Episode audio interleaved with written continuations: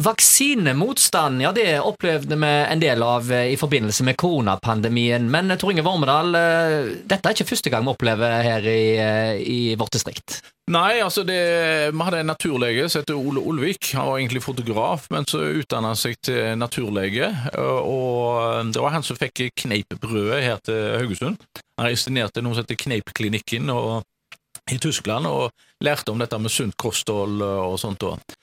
Men, eh, og det var jo flott at vi skulle ha sunt kosthold, men eh, han eh, viste seg å være en sterk motstander mot all form for vaksine. og nå har vi jo lest om dette her med apekopper som har kommet enkelte steder.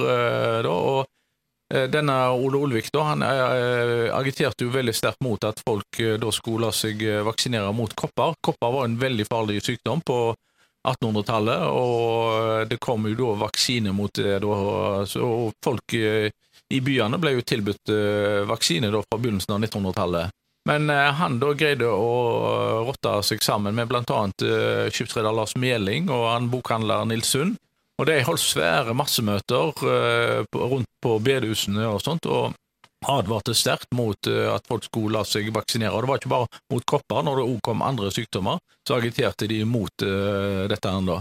Og uh, faktisk så, fra statlig hold, så var de bekymra for denne holdningen som var i Haugesund, for Haugesund var det distriktet i Norge som hadde lavest vaksinasjonsgrad.